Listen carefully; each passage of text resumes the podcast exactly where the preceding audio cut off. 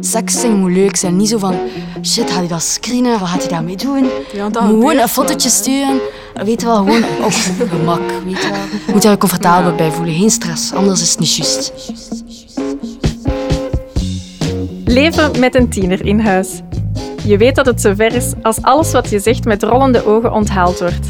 Je niet meer mag weten van wie dat berichtje komt, de slaapkamer van je kind voortaan verboden terrein is en de sfeer aan de keukentafel in een fractie van een seconde kan omslaan. Hoe ga je om met gevoelige onderwerpen en hardnekkige stiltes? Hoe reageer je als verdriet, angst en twijfels aan de voordeur kloppen? Sinds er voor het eerst nieuw leven in mijn buik groeit, wil ik de antwoorden op die vragen weten. Ik, dat is Stefanie. Ik werk voor CM en ik vraag me af wat er tussen de vier muren van andere gezinnen gebeurt. Met welke tips kan je echt aan de slag als je kind zich plots ontpopt tot een tiener? In elk van deze vijf afleveringen duik ik in een veel voorkomende uitdaging bij tieners. Telkens met één ouder en één expert. In deze aflevering Dat is denk ik iets dat ik dan niet kan begrijpen, maar dat waarschijnlijk het puberbrein is. Debbie, mama van een tienerdochter, wiens identiteit we in deze podcast beschermen. Als ik zonder druk, zonder dwang, een foto van mij wil delen met jou, jij wil die ook krijgen en dat blijft tussen ons, is daar eigenlijk geen probleem mee. Nel Broodaerts, directeur preventie en ontwikkeling bij Child Focus. Het is op het moment dat jij gaat beslissen om die foto's te verspreiden, of als je mij onder druk gaat zetten om die foto's te krijgen, dat wordt dan grensoverschrijdende sexting en dat is natuurlijk wel een probleem. Welkom bij Pubernesten, eerste hulp voor ouders van tieners. Een podcast van Leef, het gezondheidsmagazine van CM. Over de gezondheid van ouders en hun puberkroost in de breedste zin van het woord. Aflevering 1. Wat als sexting grenzen overschrijdt? Naam, Debbie, leeftijd, 47. gezinssituatie, Gehuwd en één dochter. opvallendste uiterlijk kenmerk. Mijn haar. Wat typeert je opvoedingsstijl? Wij hebben een hele open manier van opvoeden. Wat voor tiener was je vroeger zelf? Heel rustig, op het zeutigen na. Wat is het favoriete nummer van jou en je dochter? Voor mezelf is dat Jump van Van Helen. Ehm, en met de dochter. Ik ga gewoon mee met de flow en ik spring waar dat moet, maar Waarheid, durven of doen? doen.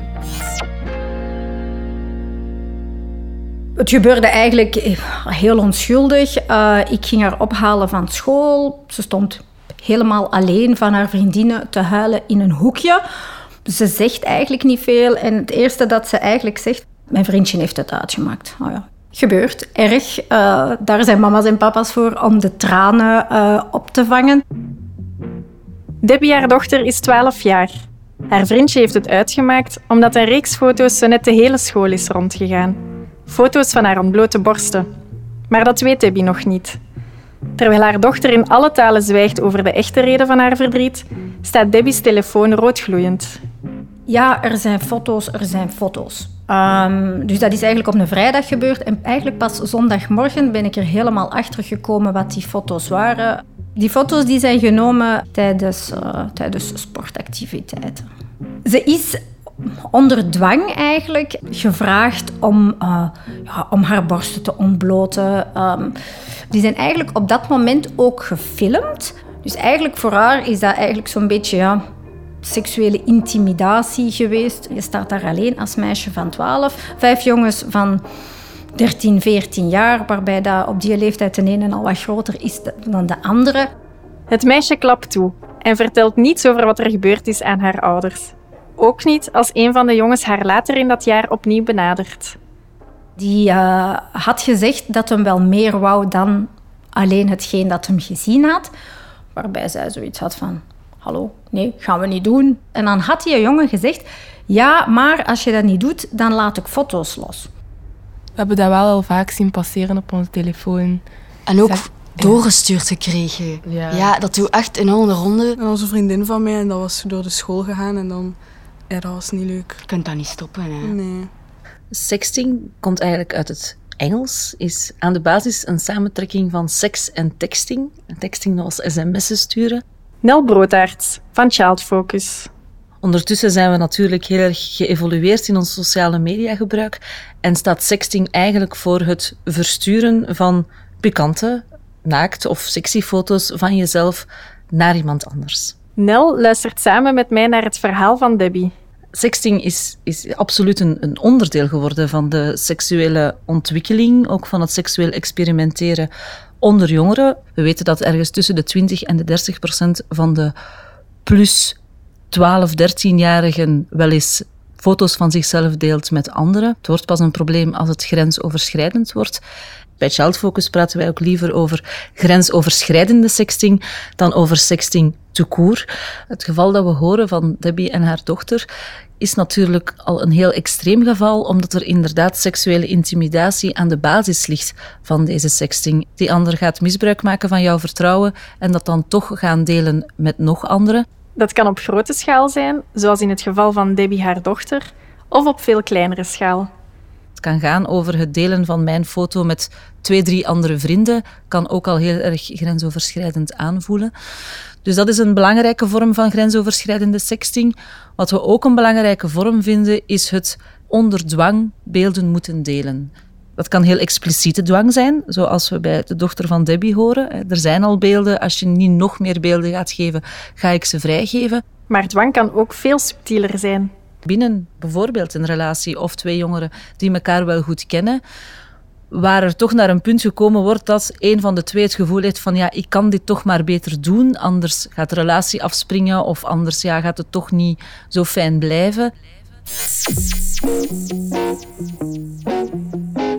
Als ouder kun je niet zeggen, je mag dat niet doen. Want dat gebeurt soms. Als mijn ouders zeggen weten, oh nee, dan stressen die persoon dubbel. Ik wil dat mijn kind dat zegt tegen mij. Niet dat mijn kind dat niet durft zeggen tegen mij. Ik, ik zou dat niet moeten weten als mijn uh, dochter haar borst heeft doorgestuurd naar iemand Maar ja, anders. stel je voor dat dat verspreid Maar ze wordt. van af, hè. Als, als, als dat verspreid wordt, Ja, dat graag. Maar niet als dat gewoon heeft gedaan. Nee, dan, dan nee, is het oké. Maar als het verspreid wordt, graag wil ik echt de eerste persoon zijn. Nou, dat gewoon rustig aanpakken. Hè. Bezoek Ja. aanbrengen. Hè.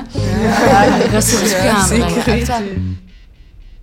Op het moment dat ik, dat ik het gesprek met haar aanging, was dat gewoon in haar slaapkamer. Dat, dat is een beeld dat ik nooit zal vergeten. Ehm, dan krijg je echt een kind dat je in elkaar ziet krimpen. Die is letterlijk uit haar bed gegaan en eh, als een foetus naast haar bed gaan liggen, in elkaar gekrompen. En ik denk dat hij daar het eerste half uur niet uitgekomen is. Bang, huilend, ehm, daar lag ze dan. Debbie twijfelt geen seconde aan het verhaal van haar dochter. Zij heeft die foto's niet zelf verspreid. Maar wat gebeurd is, is gebeurd. Daar kan ze niets meer aan veranderen. Mijn man zijn frustratie was eigenlijk van ik heb haar niet kunnen helpen. Ik heb haar hier niet tegen kunnen beschermen. Ehm, hij heeft dat eigenlijk wel een beetje op een verkeerde manier geuit. In plaats van dat gewoon rustig aan te geven, werd hij net als al de mensen heel negatief, heel kwaad, heel boos. Ehm, nu natuurlijk, dat is de heat of the moment, hè, dat dat allemaal gebeurt. Eh, Je krijgt dan het, typische, ja, dat is iets dat alleen maar hoeren en sletten doen. Maar ja, dat is hetgeen dat dat kind jaren nadien nog elke dag te horen kreeg. Dus ja, als uw papa dat al zegt... Maar ja, voor een kind van 12 is dat, is dat heel, heel erg. Dat eigenlijk uw papa u niet gelooft. Als je doorhebt of in het snuitje krijgt dat je zoon of je dochter beelden van zichzelf deelt eh, met anderen.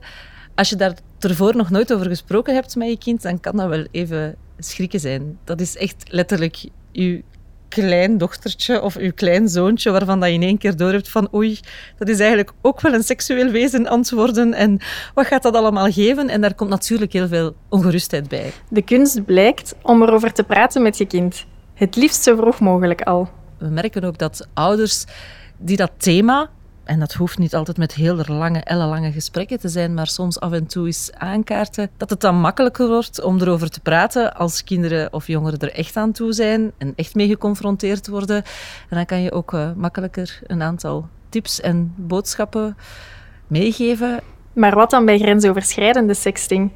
Als er iets echt fout gaat, ben je als ouder natuurlijk nog ongeruster.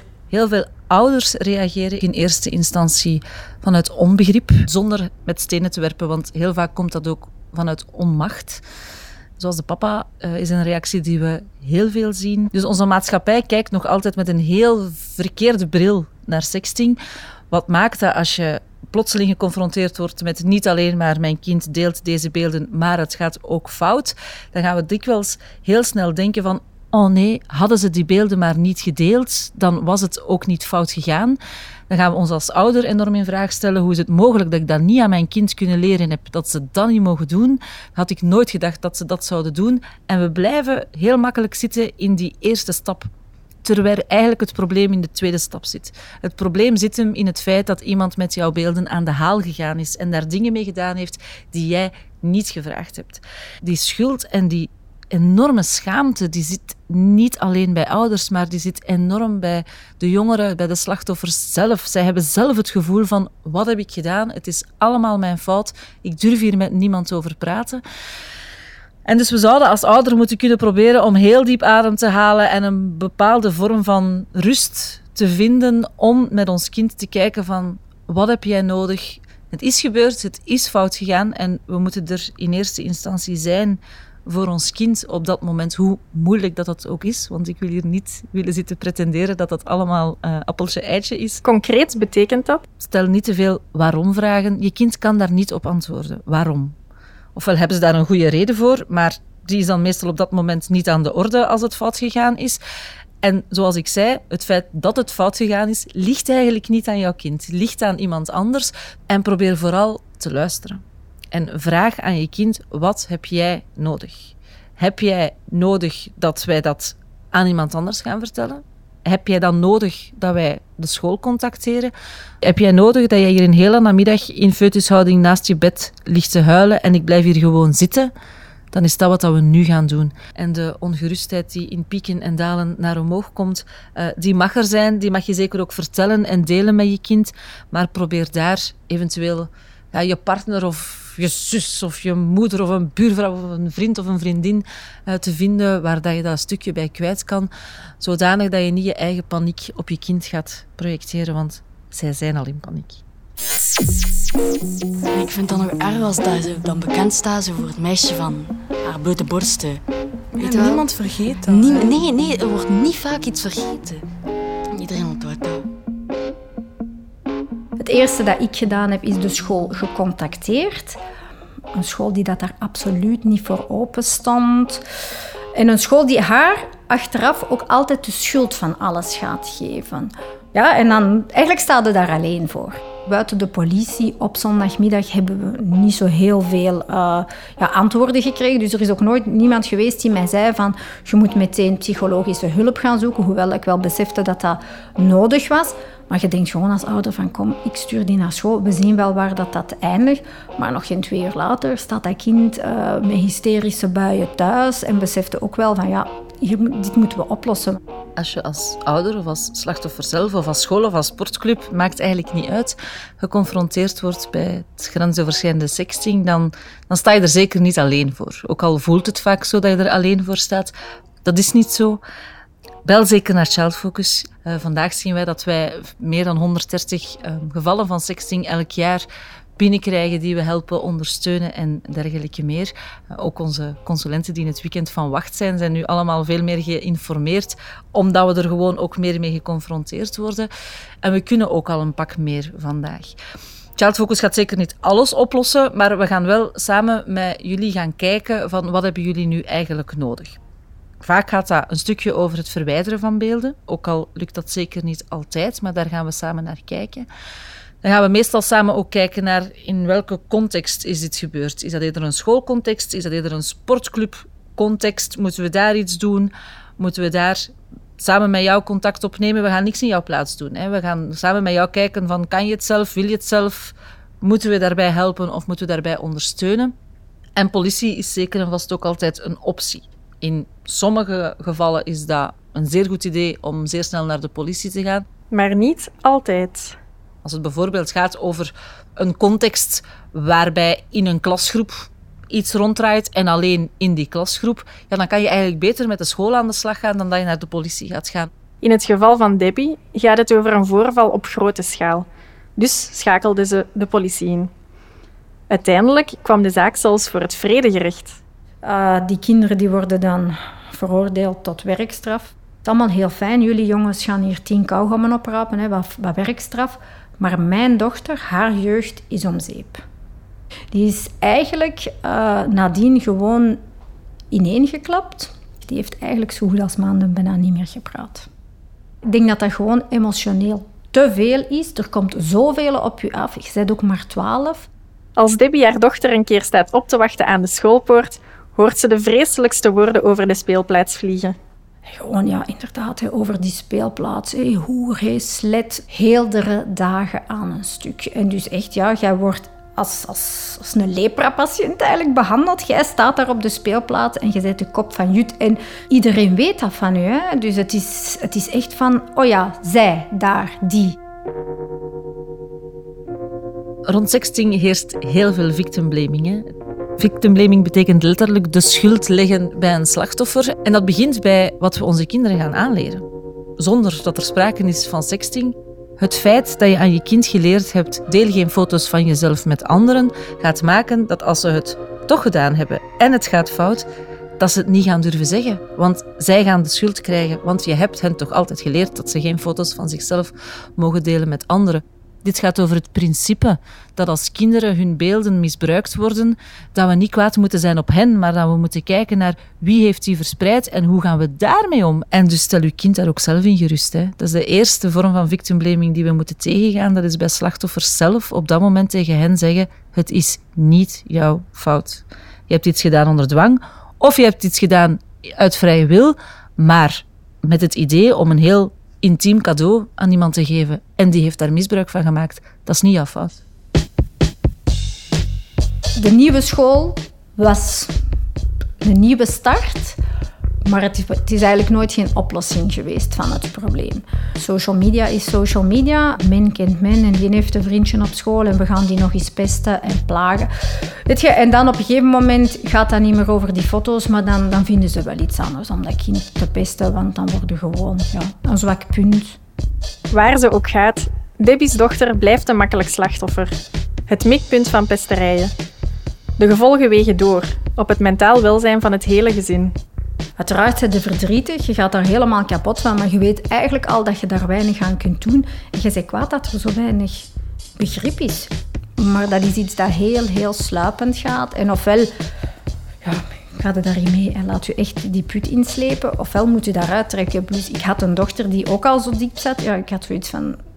Een van ons twee gaat die rap moeten uitkruipen, want anders gaat de andere het niet halen. Dus... Uh als je als ouder geconfronteerd wordt met je kind dat slachtoffer wordt van grensoverschrijdende sexting, ja, dan, dan valt de aarde van onder je voeten weg. Dat is, dat is heel normaal. Je wordt heel bang, je maakt je heel veel zorgen, je weet niet wat er gaat gebeuren.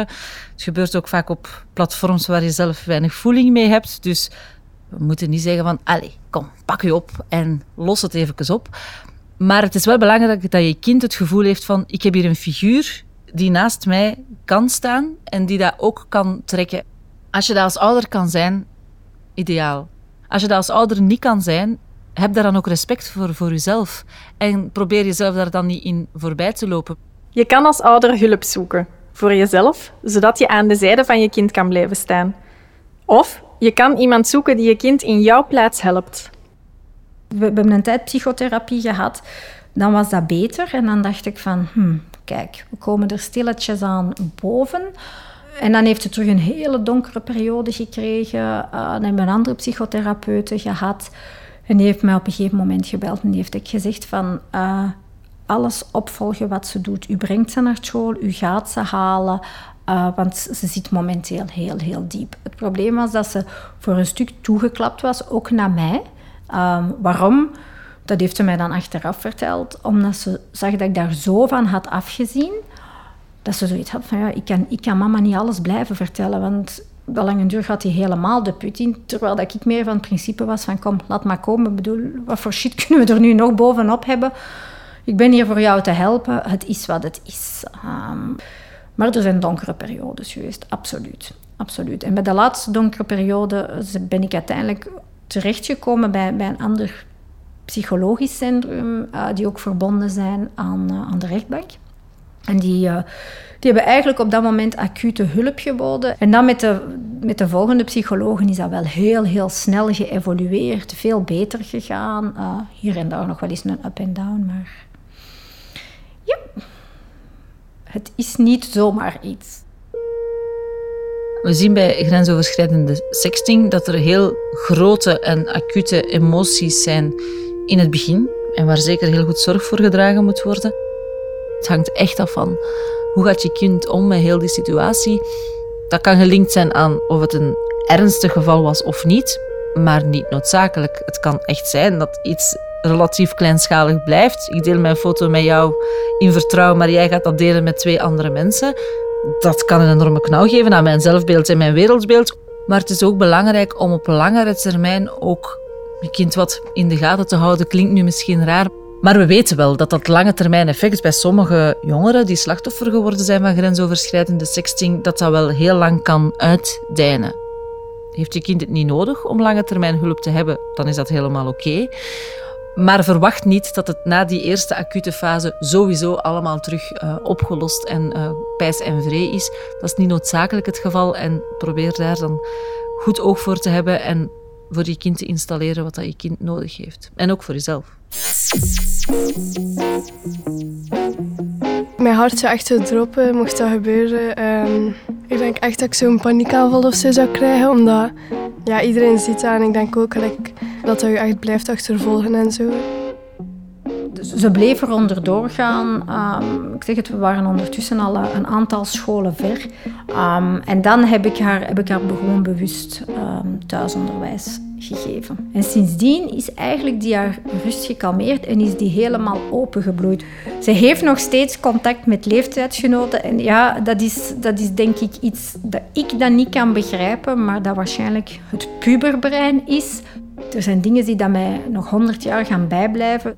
Pubers daarentegen, dat is anders. Die vergeten dat allemaal. Dat is vijf jaar geleden, dat is gepasseerd. Heel veel kinderen al van de lagere school. Om, om maar een voorbeeld te geven, haar allerbeste vriendin heeft twee jaar lang omwille van die situatie geen woord gezegd. Ja, en die zijn dan terug naar elkaar toegegroeid. En ondertussen zijn die allemaal al veel ouder en lachen ze daar allemaal mee. Kinderen zijn enorm veerkrachtig. En heel vaak vinden zij een manier om terug omhoog te springen die anders en vaak zelfs ook al sneller is dan wij als volwassenen. Sommigen helemaal uit zichzelf, sommigen moeten we daar een beetje bij helpen. Maar ik denk als we open communicatie kunnen blijven hebben en kinderen het gevoel kunnen laten blijven houden van wij zijn er voor jou en jij staat hier niet alleen voor en kunnen werken rond die schuld en die schaamte, ja, dan gaan de meeste slachtoffers dat inderdaad wel een goede plek kunnen geven en, en ja, beetje bij beetje komt er meer ruimte voor andere dingen. De dochter van Debbie is nu 18 jaar. Sinds een jaar staat haar leven voor het eerst weer echt op de rails. Ze kan opnieuw lachen en naar de toekomst kijken. Die gaat binnenkort uh, ja, verdere studies doen. Krijgen ook weer een totale andere vriendenkring. En dan denk ik dat dat... Uh, ja, weet je, dat is iets dat ze meeneemt. Ze weet dat ook. Dat heeft een, uh, een heel zwaar litteken achtergelaten. Ehm, de bijzonderste lessen dat, dat, ik heb geleerd is dat je vooral nooit vertrouwen in je eigen kind mocht um, verliezen, ondanks het feit dat die twaalf zijn. Je kunt haar daartegen niet beschermen. Geen één kind. Je kunt alleen maar praten. We hebben altijd een, een, een, open manier van communicatie gehad. Hier kan alles besproken worden. Wat dat er over die gsm gebeurt, ja, daar hadden we geen controle. Ik heb daar ook nooit niet bij stilgestaan dat dat een van de dingen is. Voor mij is een gsm voor te bellen. Als we kijken naar onderzoek vandaag, dan weten we eigenlijk de leeftijd voor het online gaan en zelfstandig online gaan wordt altijd jonger. En we weten dat eigenlijk vandaag kinderen vanaf tien jaar in wat dat wij eigenlijk noemen hun digitale puberteit komen. En wat bedoelen we daarmee? Dat is dat hun gebruik van al die sociale media veel dichter ligt tegen de manier waarop dat 12, 13, 14, 15-jarigen het gebruiken dan waarop 8-jarigen het gaan gebruiken. Dus een stukje gaat dat een en ander versnellen en daar moeten we oog voor hebben. Het gros van de dossiers die er bij Child Focus, of de verhalen die bij Child Focus gemeld worden, en dat zijn ze zeker niet allemaal, gaat over kinderen tussen 11 en 13 jaar, waarbij sexting heel erg fout loopt. Een stukje daarvan ligt misschien aan het feit dat we bang zijn om daar met kinderen van 10 jaar over te praten. Omdat we denken, daar zijn die toch helemaal nog niet mee bezig. En dus gaan we het daar eigenlijk nog niet over hebben, terwijl het eigenlijk wel al belangrijk is op die leeftijd, op hun niveau. Dat gaat maken dat ze op een leeftijd waarop dat ze een stukje kwetsbaarder worden, omdat ze in hun puberteit komen en omdat ze zich, ja, ze gaan zoeken naar zichzelf. Hoe kijken anderen naar mij? Hoe reageren anderen op mij? Dat is allemaal heel typisch pubergedrag. En daar kan dat sextingstukje ook wel een beetje mee ingaan. Ik vind dat dat ook echt een uh, confidence boost geeft. Zo echt zo'n keer zo, ah, kijk, je ziet er goed uit, weet dat? Als je zo complimentjes krijgt via de telefoon, dan is dat wel ja. leuk. Maar in het echt is dat natuurlijk leuker, maar ja, kijk. Als Mensen durven dat niet. ja. We snappen ook vaak als ouders te weinig hoe onze kinderen met hun gsm, met hun sociale media, hoe dat ze daarmee omgaan. We denken, wij gebruiken dat ook. We zitten ook op Instagram, we zitten ook op Facebook. We hebben zelf ook een telefoon en we trekken daar ook foto's mee. Maar het is niet omdat jij dat op die manier gebruikt, dat je kind dat op dezelfde manier gebruikt. Je mist heel wat van wat tieners op hun gsm uitspoken. Dat maakt van het toestel een risico. Een ding dat je het liefst zoveel mogelijk aan banden legt. En het is super normaal dat als je met problemen met dat ding geconfronteerd wordt, dat je reactie is: dan stoppen we maar met dat ding.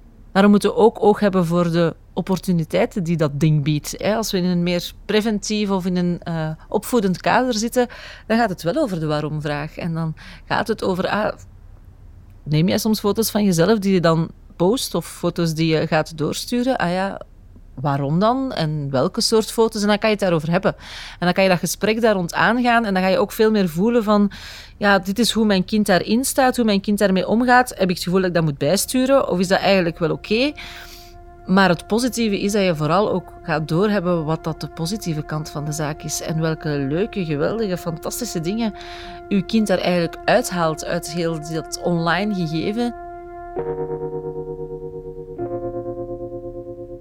Oh, hoe zie ik de toekomst? Eigenlijk zie ik die momenteel wel positief. Voel mij goed en ja, met mijn man gaat dat ook goed. Bedoel, dat is allemaal ook voorbij. En tussen, tussen de man en de dochter, ja, dat, dat zal wel met de tijd allemaal wel wat verbeteren.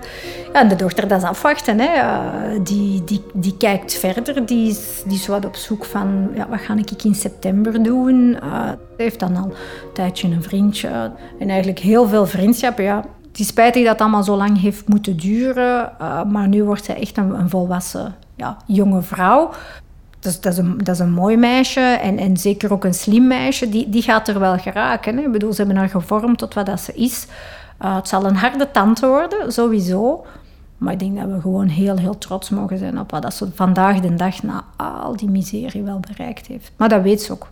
Als we in de toekomst kijken, dan denk ik persoonlijk, maar dat is mijn persoonlijk aanvoelen, dat ehm, de cijfers rond 16, dat die eigenlijk relatief stabiel gaan blijven. Wat ik oprecht mag hopen, is dat er minder cijfers rond grensoverschrijdende sexting zijn. Omdat we daar misschien inderdaad ja, met onze kinderen gewoon op jongere leeftijd het gesprek daaromtrent gaan aangaan. En, en net zoals dat we het, ook al is dat lastig, moeten hebben over veilig vrijen, moeten we het ook hebben over veilig seksten.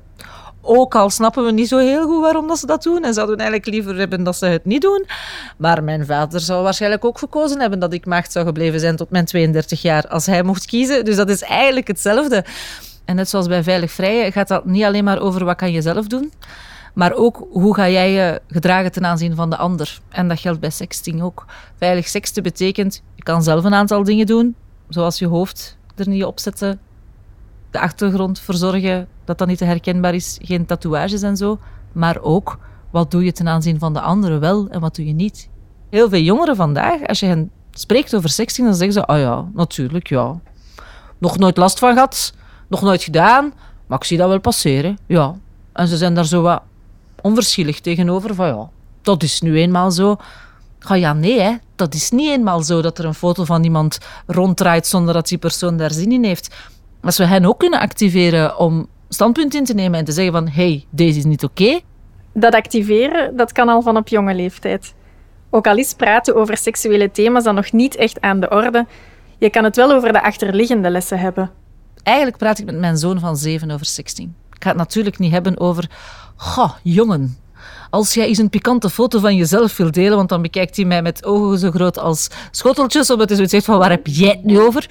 Maar ik praat wel met hem over, als je iets van iemand krijgt, dan heeft hij jou dat gegeven. Als jij dat iemand anders wil geven, dan moet je dat eerst een keer checken, of die eerste dat eigenlijk wel oké vindt. Dat gaat over sexting. Dit was de eerste aflevering van Pubernesten. Eerste hulp voor ouders van tieners. De volgende aflevering gaat over te jong en te veel drinken. Elisa vertelt over haar zoon die zich op feestjes makkelijk laat beïnvloeden. Dus, waarheid durven of doen, vraagt het spelletje. Doen, had Debbie gezegd. Weet je nog? Hier komt ie. Zing de soundtrack van je favoriete film.